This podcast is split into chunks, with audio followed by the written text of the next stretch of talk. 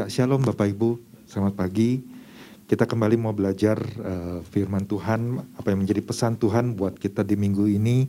Judulnya adalah bersikap jujur pada diri sendiri. Bersikap jujur pada diri sendiri. Nah, kalau kita renungkan tentang pesan Tuhan ini ya minggu ini.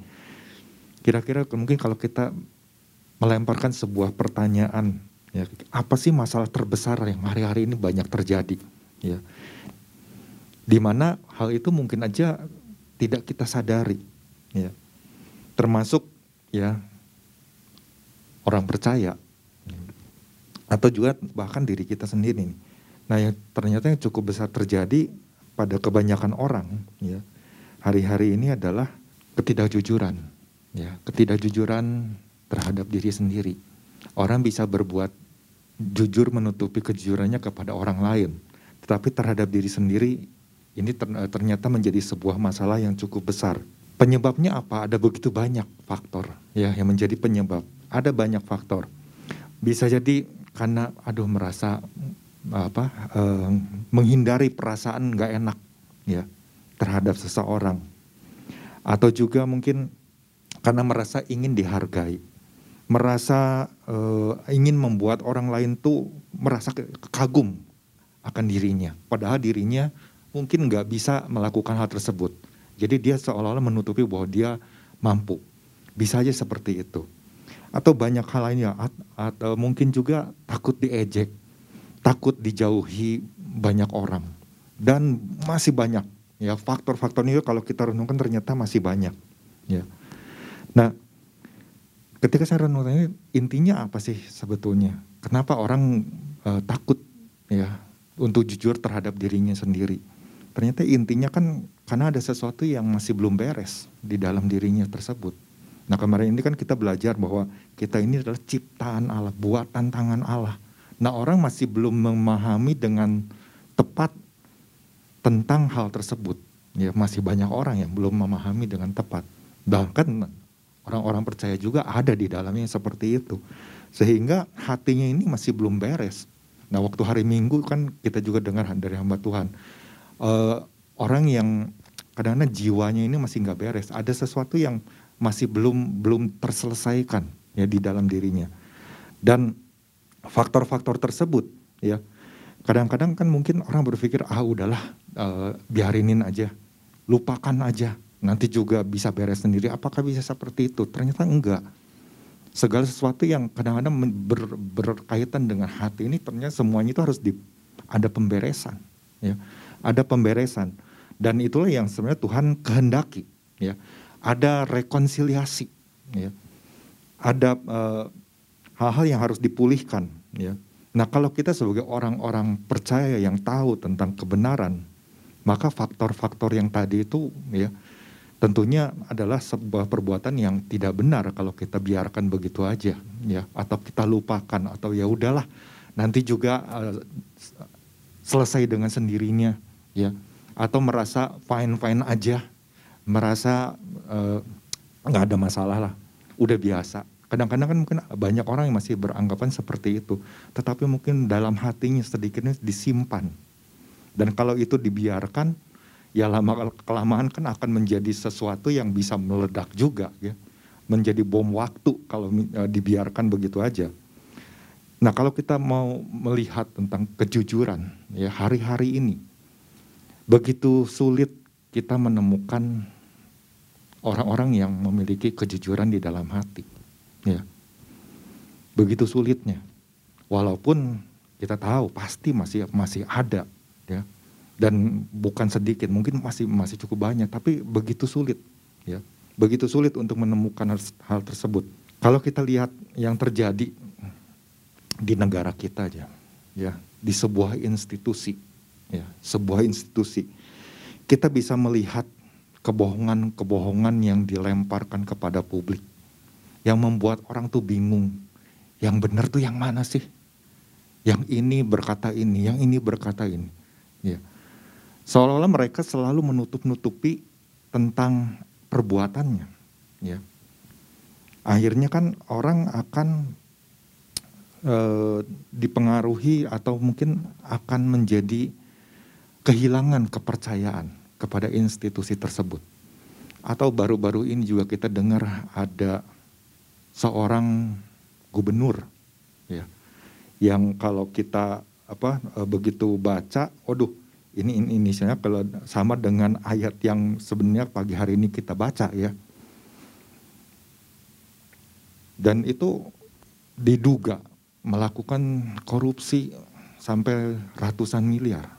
Nah, itu kan kalau kita renungkan kenapa hal itu bisa terjadi? Pasti ada sesuatu yang masih belum beres ya di dalam hatinya dan itu berusaha untuk terus ditutup-tutupi. Ya. Tapi pada akhirnya akan terbongkar juga seperti itu. Nah, lalu kalau kita kita renungkan ya apa sih dampaknya? Ya, dampaknya kalau misalnya sebagai orang percaya nggak ber, bersikap nggak jujur pada diri sendiri, ya. Kita nggak usah jauh-jauh dengan dengan hal-hal yang terjadi di luar sana. Mungkin di sekeliling kita aja ya. Di sekeliling kita di dalam keluarga seperti itu. Wah pasti akan akan menimbulkan banyak masalah ya. Beberapa di antaranya ya tadi malam juga kan di Komsel juga uh, dibahas juga ya. Uh, tapi ya untuk mempersingkat waktu ya apa yang saya dapat ketika saya mempersiapkan ini apa ya, ketika mungkin hal ini terjadi ketika mungkin ada orang-orang percaya bersikap nggak jujur pada diri sendiri. Dampaknya apa? Dampaknya bisa melahirkan sebuah kecemasan. Merasa dalam hari-hari yang dia lakukan hari lepas hari menjadi nggak tenang. Ya. Karena apa? Ya ketika kita nggak jujur ya pada diri kita sendiri, seolah-olah itu sebuah kebohongan yang di, disimpan. Kebohongan yang satu, ah berhasil nih, lakukan lagi, lakukan lagi. Akhirnya itu menjadi sebuah habit, sebuah kebiasaan. Wah ternyata aman-aman aja tuh, ya nggak diketahui orang. Kita nggak jujur pada diri sendiri, ya. Nah, tapi dalam saat-saat tertentu kita mulai berpikir, aduh rasanya gimana ya, begini salah, begitu salah. Nggak cemas, mulai kehilangan sukacita, mulai kehilangan damai sejahtera, ya dan kalau ini terus dibiarkan, enggak dibereskan, lama-lama kita semakin apa ya, semakin kehilangan arah, ya, semakin semakin terpuruk, ya.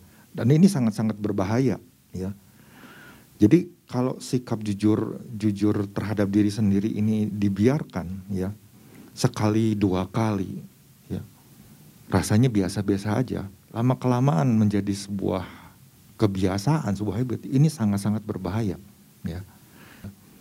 Nah, tapi sebelum itu kita mau baca dulu ya uh, ayat yang mendasari pesan Tuhan di minggu ini diambil dari Lukas pasal yang kelima ayat yang kedelapan. Ketika Simon Petrus melihat hal itu, ia pun tersungkur di depan Yesus dan berkata, Tuhan, pergilah daripadaku karena aku ini seorang berdosa. Ya. Nah, ini yang menjadi ayat dasarnya, ya. Jadi bagaimana kita bisa melihat, ya. Tadi di awal saya katakan adalah ada uh, sebuah institusi, ya. Kita tahu lah hal ini yang yang terjadi di di negeri ini. Ya, jadi otomatis kan masyarakat ya ketika institusi ini melakukan sebuah kebohongan-kebohongan ya dan masyarakat mulai jeli, mulai tahu mana yang benar, mana yang salah karena kan berbagai info masuk ya. Ada bukti-bukti dan lain sebagainya tapi yang dilemparkan kepada publik sesuatu yang enggak sesuai seperti itu itu masyarakat pasti melihat kepada institusi ini bagaimana di, bisa dipercaya ya institusi ini. Mulai mereka mulai kehilangan ke, kepercayaan kepada institusi tersebut ya. Nah ini juga kan bisa aja terjadi ya terjadi bagi kita orang-orang percaya terhadap siapa? Terhadap orang-orang terdekat ya, di dalam keluarga, mungkin sanak saudara atau teman-teman. Ya. Nah kalau hal ini terjadi, siapa yang sebetulnya rugi? Ya, sebenarnya kan orang yang melakukan hal tersebut, ya dirinya sendiri yang melakukan hal tersebut yang enggak enggak enggak jujur ini. Ya. Terus apalagi ya dampaknya kalau enggak jujur terhadap diri sendiri, dia pasti akan menjadi pribadi yang kehilangan jati dirinya Nah makanya dia semakin nggak memahami tentang bahwa dirinya itu adalah ciptaan Allah, buatan tangan Allah sendiri. ya yang diciptakan untuk melakukan perbuatan-perbuatan yang baik. Dia semakin jauh dari hal itu. Untuk pemahaman yang benar aja semakin sulit.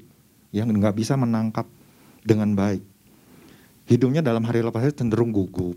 Ya mungkin wah selalu gelisah. Makin hari makin stres. Ya.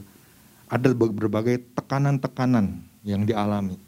Kita bisa lihat contoh-contohnya di dalam Alkitab. Ya. Seperti Saul. Saul satu saat dia melakukan sebuah kesalahan. Ya.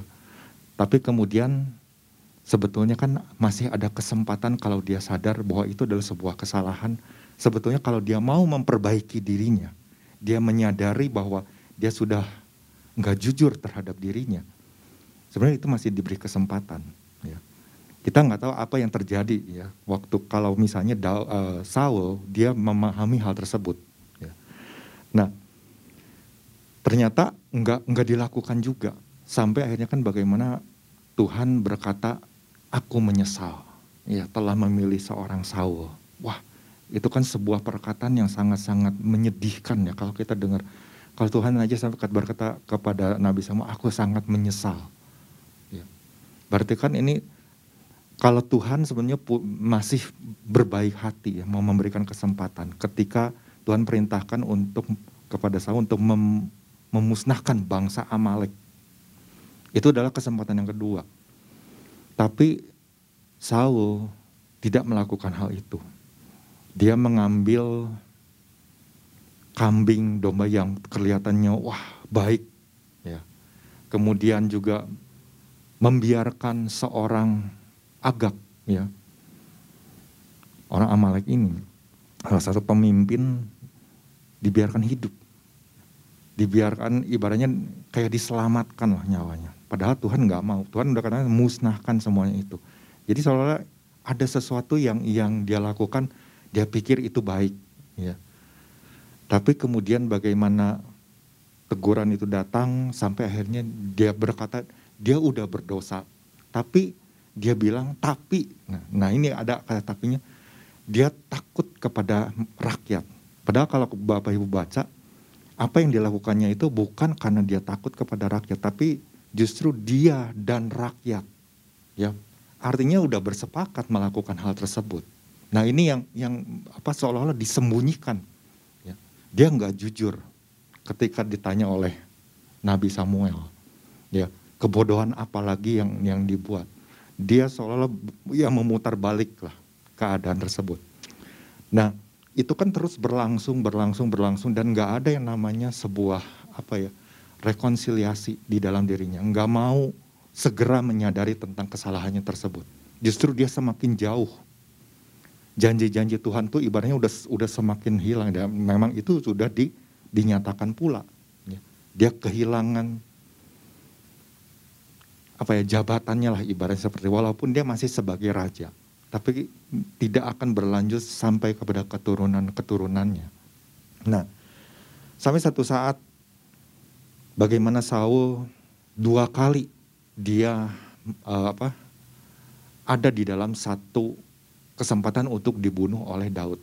Tapi bagaimana seorang Daud ya sangat menghargai pribadi Saul yang adalah ayah mertuanya juga.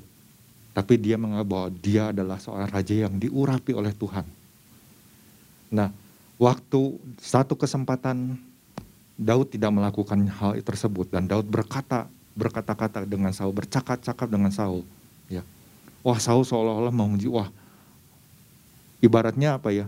Wah terima kasih Daud, engkau apa adalah orang yang begitu menghargai dan lain sebagainya. Kurang lebih seperti lo, seolah-olah di, dibuat direkayasa sedemikian rupa, ya agar supaya apa kelihatannya di mata Daud, wah Saul ini baik loh ternyata udah bertobat loh, ya tapi ternyata enggak, ya enggak berubah juga tuh. Di kesempatan yang kedua, ya sampai benar-benar Saul itu apa ya? dia mengakui bahwa engkau pasti akan jadi raja gitu. Tapi kita bisa melihat perbuatan ini adalah sesuatu yang bagaimana menyembunyikan sesuatu ya di dalam dirinya. Ini sikap yang enggak jujur ya kepada dirinya. Nah, dari sini kita sama-sama melihat ya apa yang terjadi di dalam pribadi Petrus. Ya, kalau kemarin kita belajar bagaimana keterbukaan itu adalah awal dari sebuah pemulihan kunci, ya kunci dari uh, sebuah pemulihan. Nah, tentu kita kan harus punya satu sikap, ya punya satu sikap dan kemarin kita sudah belajar, ya prinsip apa yang yang harus kita pahami, ya. Nah, kemarin ini kan kita belajar apa yang dibagikan oleh uh, Bapak Gembala dan juga uh, rekan pengkhotbah yang lain. Nah pagi hari ini apa yang yang bisa saya uh, bagikan kepada Bapak Ibu? Nanti kalau Bapak Ibu yang belum mendengarkan tentang pesan ini bisa buka di YouTube, ya, bisa dengarkan dan kemudian renungkan, ya. Apa sih yang Tuhan, kenapa Tuhan sampai berkata tentang pesan-pesan ini? Ya bersikap jujur pada diri sendiri. Ya. Nah, eh, yang saya temukan dari dari pesan Tuhan ini, kunci pemulihan adalah mau belajar untuk melihat sesuatu dari sudut pandang Tuhan. Ya. Mau belajar untuk melihat sesuatu dari sudut pandang Tuhan. Nah, ketika kita mau belajar, ya, memberikan hati kita, membuka hati kita untuk belajar melihat ya sesuatu itu dari cara pandangnya Tuhan. Saya percaya justru pemulihan akan terjadi. Ya. Pemulihan itu akan membawa kita kepada sikap jujur di dalam hati kita. Berapa banyak orang hari-hari ini ketika mungkin mendengar ada apa ya, eh, misalnya nasihat lah atau mungkin orang memberikan pandangan langsung bersikap dia bisa apa sih? Aku kan lebih uh, punya pengalaman, aku bisa begini, aku bisa begitu. Ya. Orang kadang-kadang bersikap udah menganggap rendah. Orang kadang-kadang tidak mau dinasehati. Kadang-kadang tidak menghargai pendapat orang. Ya. Banyak yang seperti itu.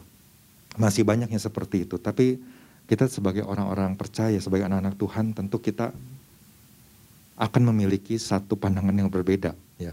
Nah ini yang yang sebetulnya terjadi di dalam diri Petrus pada waktu itu. Ya. Saya begitu begitu apa ya ketika merenungkan hal ini, wah ini seorang Petrus ini walaupun kadang-kadang kan sikap sepertinya sikapnya itu, waduh langsung kayak gerak cepat ingin ingin mendapat perhatian dari yang lain.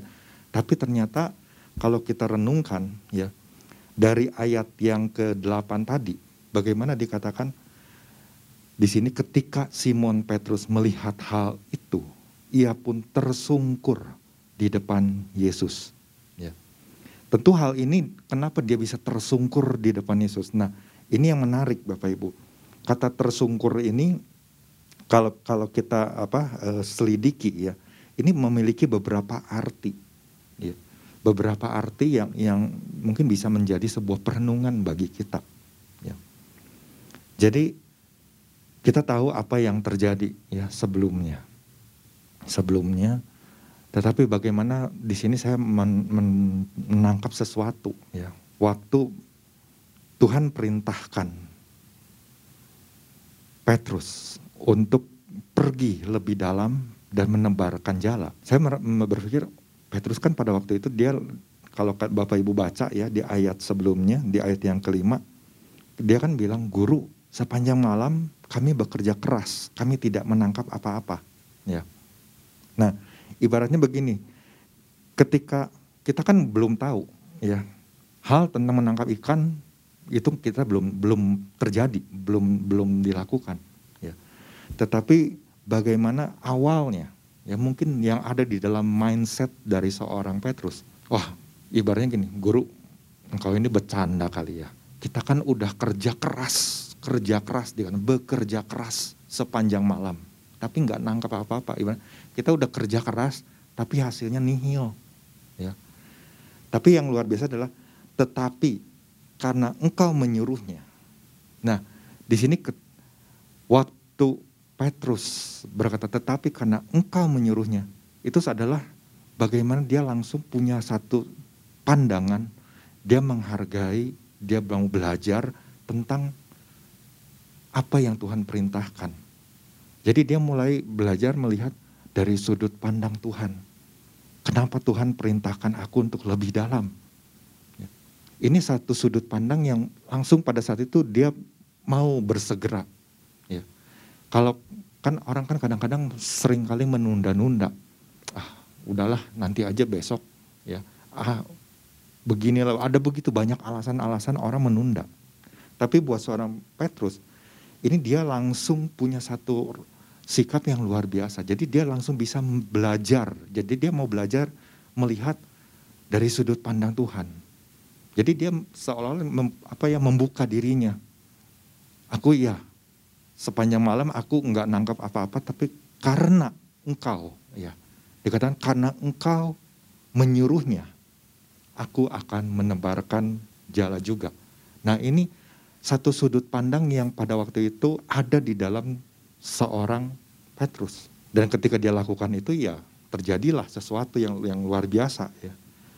Nah, dan jadi dari sini kita bisa melihat Petrus bisa menerima ya, menerima pendapat orang lain. Belajar untuk menerima. Dan di dalam kehidupannya kan kita tahu jatuh bangun seorang Petrus ya. Bagaimana waktu dia segera ingin ingin apa ya ibaratnya mau terus diubahkan, mau terus diarahkan ya oleh Tuhan tapi kan kadang-kadang mengalami satu kegagalan juga ya tapi hal itu tidak membuat uh, apa dia berhenti ya. Ketika satu saat Tuhan berkata menurut kamu siapa aku? Ya. Nah kan murid-murid kan berkata begini begini begini. Tapi kemudian kan setelah itu bagaimana Tuhan kan memuji seorang Petrus. Tapi nggak lama dari situ Petrus mulai ya mungkin dengan segala tindakannya karena dia orang yang sangat bersemangat ya. Waktu Tuhan katakan dia, uh, dia akan uh, ibaratnya mengalami satu penderitaan ya. Nah Petrus kan langsung bersegera dia berkata, wah guru enggak, semua itu nggak akan pernah terjadi ya. Dan bahkan waktu Tuhan katakan tentang bagaimana seorang Petrus akan menyangkal, dia kan langsung bertindak. Itu kan artinya bagaimana seorang Petrus itu selalu mau belajar, ya belajar melihat dari sudut pandang Tuhan itu seperti apa. Tapi dia langsung responnya begitu cepat, begini-begini nih, ya walaupun kadang salah, ya. Tapi di sini kita belajar sesuatu bahwa orang yang yang mau terus belajar, ya, jelas sebetulnya kan dia punya salah satu sikap rendah hati. Ya. Kalau orang yang nggak mau pernah belajar, berarti kan orang itu tinggi hati karena udah merasa dia paling hebat kok dia paling bisa kok dia nggak pernah mau bisa menerima pendapat orang itu orang yang tinggi hati nah kalau orang yang yang tinggi hati merasa wah dulunya dia begini dulunya dia sudah memberikan ibaratnya sumbangsih dan sebagainya itu akan sulit ya untuk mengalami satu pemulihan ya karena apa karena ya jelas hatinya masih belum beres tapi di sini bagaimana seorang Petrus dia mau untuk melakukan hal itu. Ini buat saya ini sesuatu yang yang positif ya. Yang harus kita belajar walaupun mungkin ada kesalahan-kesalahan yang harus kita hindari juga ya. Nah, di dalam Amsal kan di ayat eh, pasal 18 ayat 12 dikatakan begini, tinggi hati mendahului kehancuran, tetapi kerendahan hati mendahului kehormatan.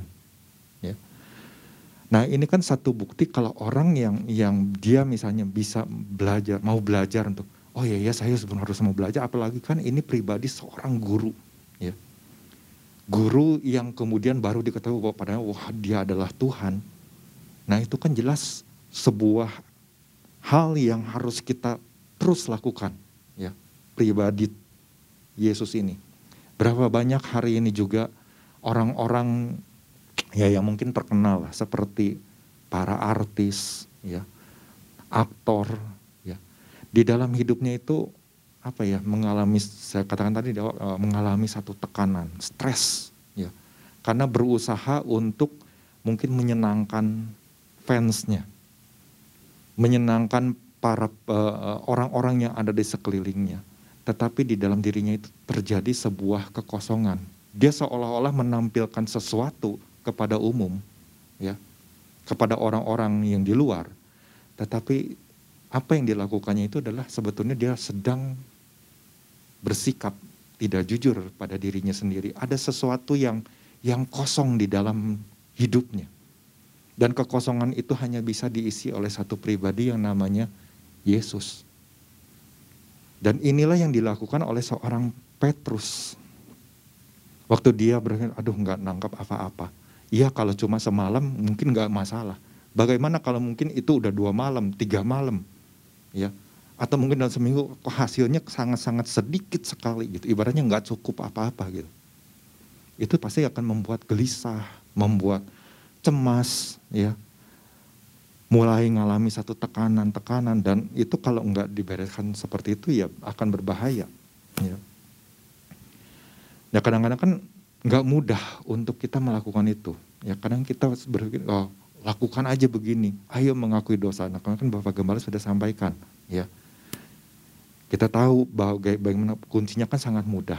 Datang sama Tuhan, mengakui dosa, ya Tuhan pasti akan mengampuni. Ya.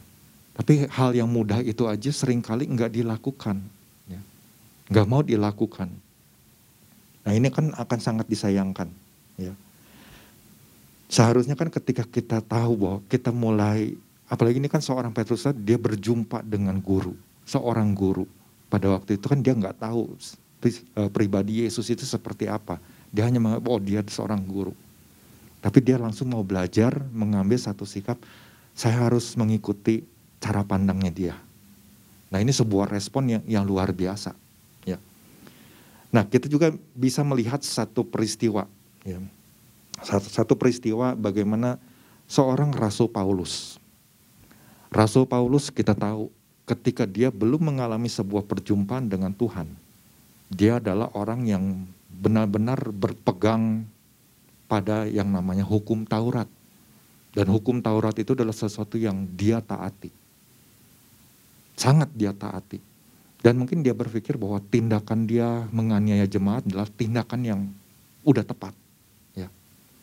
Tapi saya berpikir apakah di dalam hati seorang Paulus yang pada waktu itu masih bernama Saulus terjadi pergumulan nggak ya di dalam hatinya? Adakah mungkin uh, di dalam batinnya atau di dalam jiwanya mungkin merasa, aduh ini sebetulnya tuh nggak sesuai dengan apa ya dengan hati nurani, hati nurani dirinya.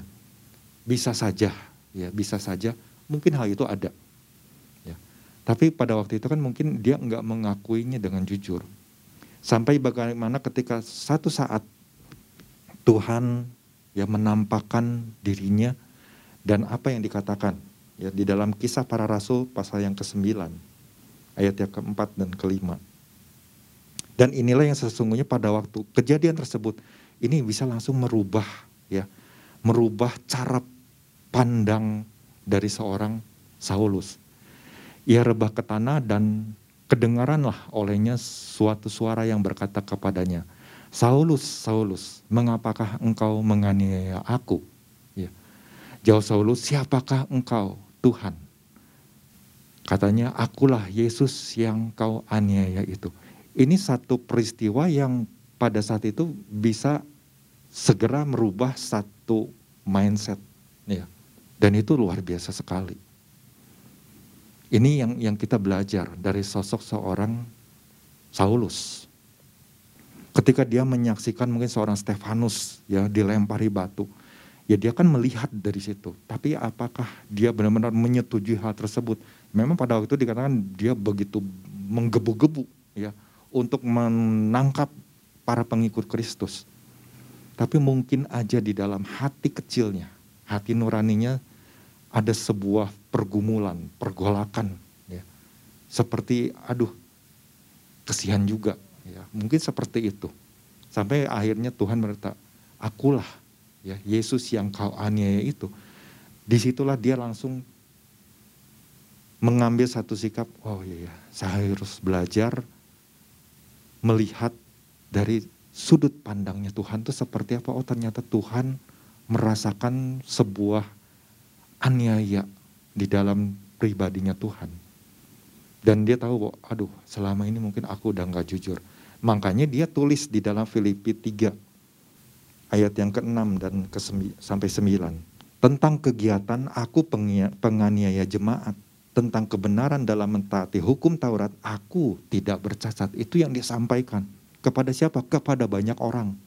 Artinya di situ dia bersikap, dia mau jujur kepada banyak orang. Iya, aku dulu itu seorang penganiaya jemaat. Betul. Gitu. Itu perbuatan, ibaratnya perbuatan yang salah. Tentang kebenaran dalam mentaati hukum Taurat, aku tidak bercacat. Itu yang dia akui. Ya. Tetapi, nah ini yang luar biasa apa yang dahulu merupakan keuntungan bagiku.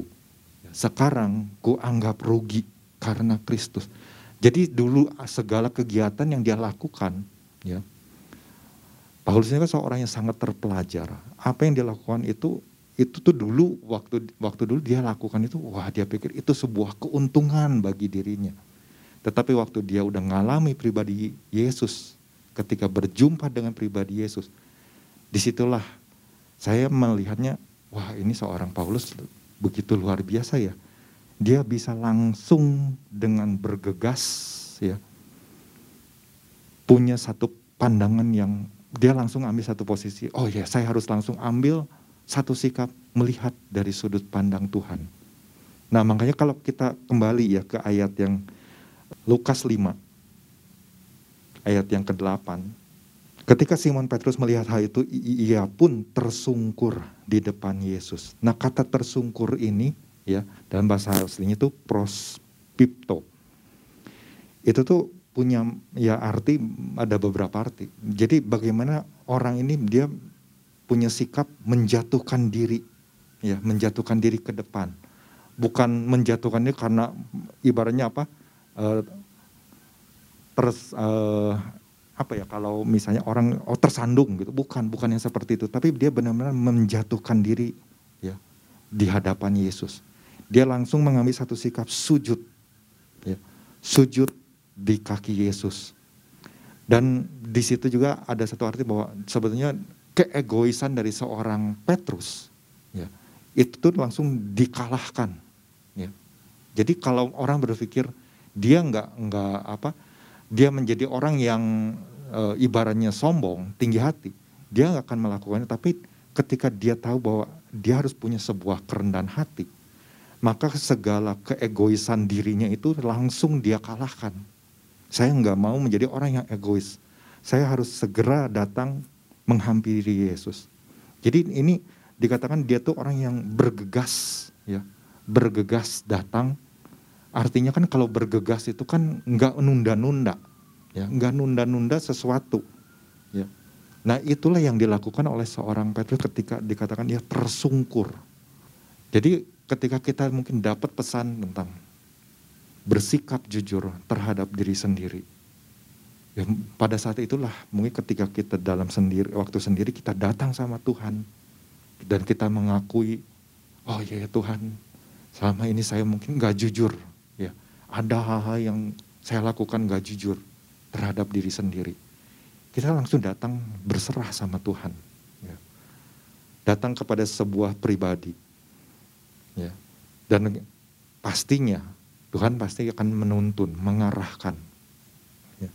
Dan jelas ketika hal itu kita lakukan, kita juga harus siap dengan yang namanya proses. Seorang Rasul Paulus saja ketika dia lakukan hal, hal itu, Tuhan sudah katakan dulu, dia ini akan dipersiapkan ya oleh Tuhan dan dia akan mengalami banyak penderitaan. Ya. Itu sesuatu yang yang harus dipersiapkan oleh seorang Rasul Paulus. Dan dia ceritakan. Itu artinya dia jujur terhadap diri bagaimana dia dulunya seperti apa, kemudian sekarang seperti apa dan apa yang dia alami. Itu proses itu dia jalani ya, dia jalani di dalam kehidupannya. Tapi apa yang dilakukan, yang dia alami itu, dia terima dengan sukacita. Nah sukacita itulah yang nggak bisa hilang di dalam kehidupannya. Makanya kan dia tulis salah satu tulisannya, bersukacitalah. Ya, bersukacitalah. Sesuatu yang nggak mudah Bapak Ibu sesuatu yang nggak mudah. Tetapi kalau kita benar-benar menjadi orang yang jujur terhadap diri kita sendiri, ya, maka sukacita dari Tuhan itu nggak pernah hilang. yang nggak bisa hilang. Ada damai sejahtera yang terus mengalir. Itu yang diterima oleh seorang Paulus. Nah, ini yang di, dialami juga oleh seorang Petrus ketika Petrus melakukan hal tersebut, ya. Ini yang luar biasa. Ada damai sejahtera, ya. Dan sukacitanya ya bukan melihat hasil-hasil tangkapannya gitu, bukan. Tapi sukacitanya adalah bagaimana ketika Tuhan berkata, hari ini engkau akan jadilah penjala manusia. Wah itu sukacita. Artinya sebuah sebuah hal yang luar biasa yang Tuhan berikan sebuah kehormatan untuk dia bisa menjadi penjala manusia. Ya. Karena apa? Karena ya hal yang sederhana, ya hal yang sederhana. Dia mau segera melihat, dia belajar melihat dari sudut pandang Tuhan. Oh itu loh yang Tuhan kehendaki. Nah karenanya pagi hari ini ini aja yang bisa saya bagikan tuh Bapak Ibu ya untuk boleh memperlengkapi biarlah kita senantiasa bisa menjadi pelaku-pelaku firman Tuhan yang terus menghidupi pesan demi pesan yang Tuhan berikan buat kita semua. Tuhan Yesus memberkati.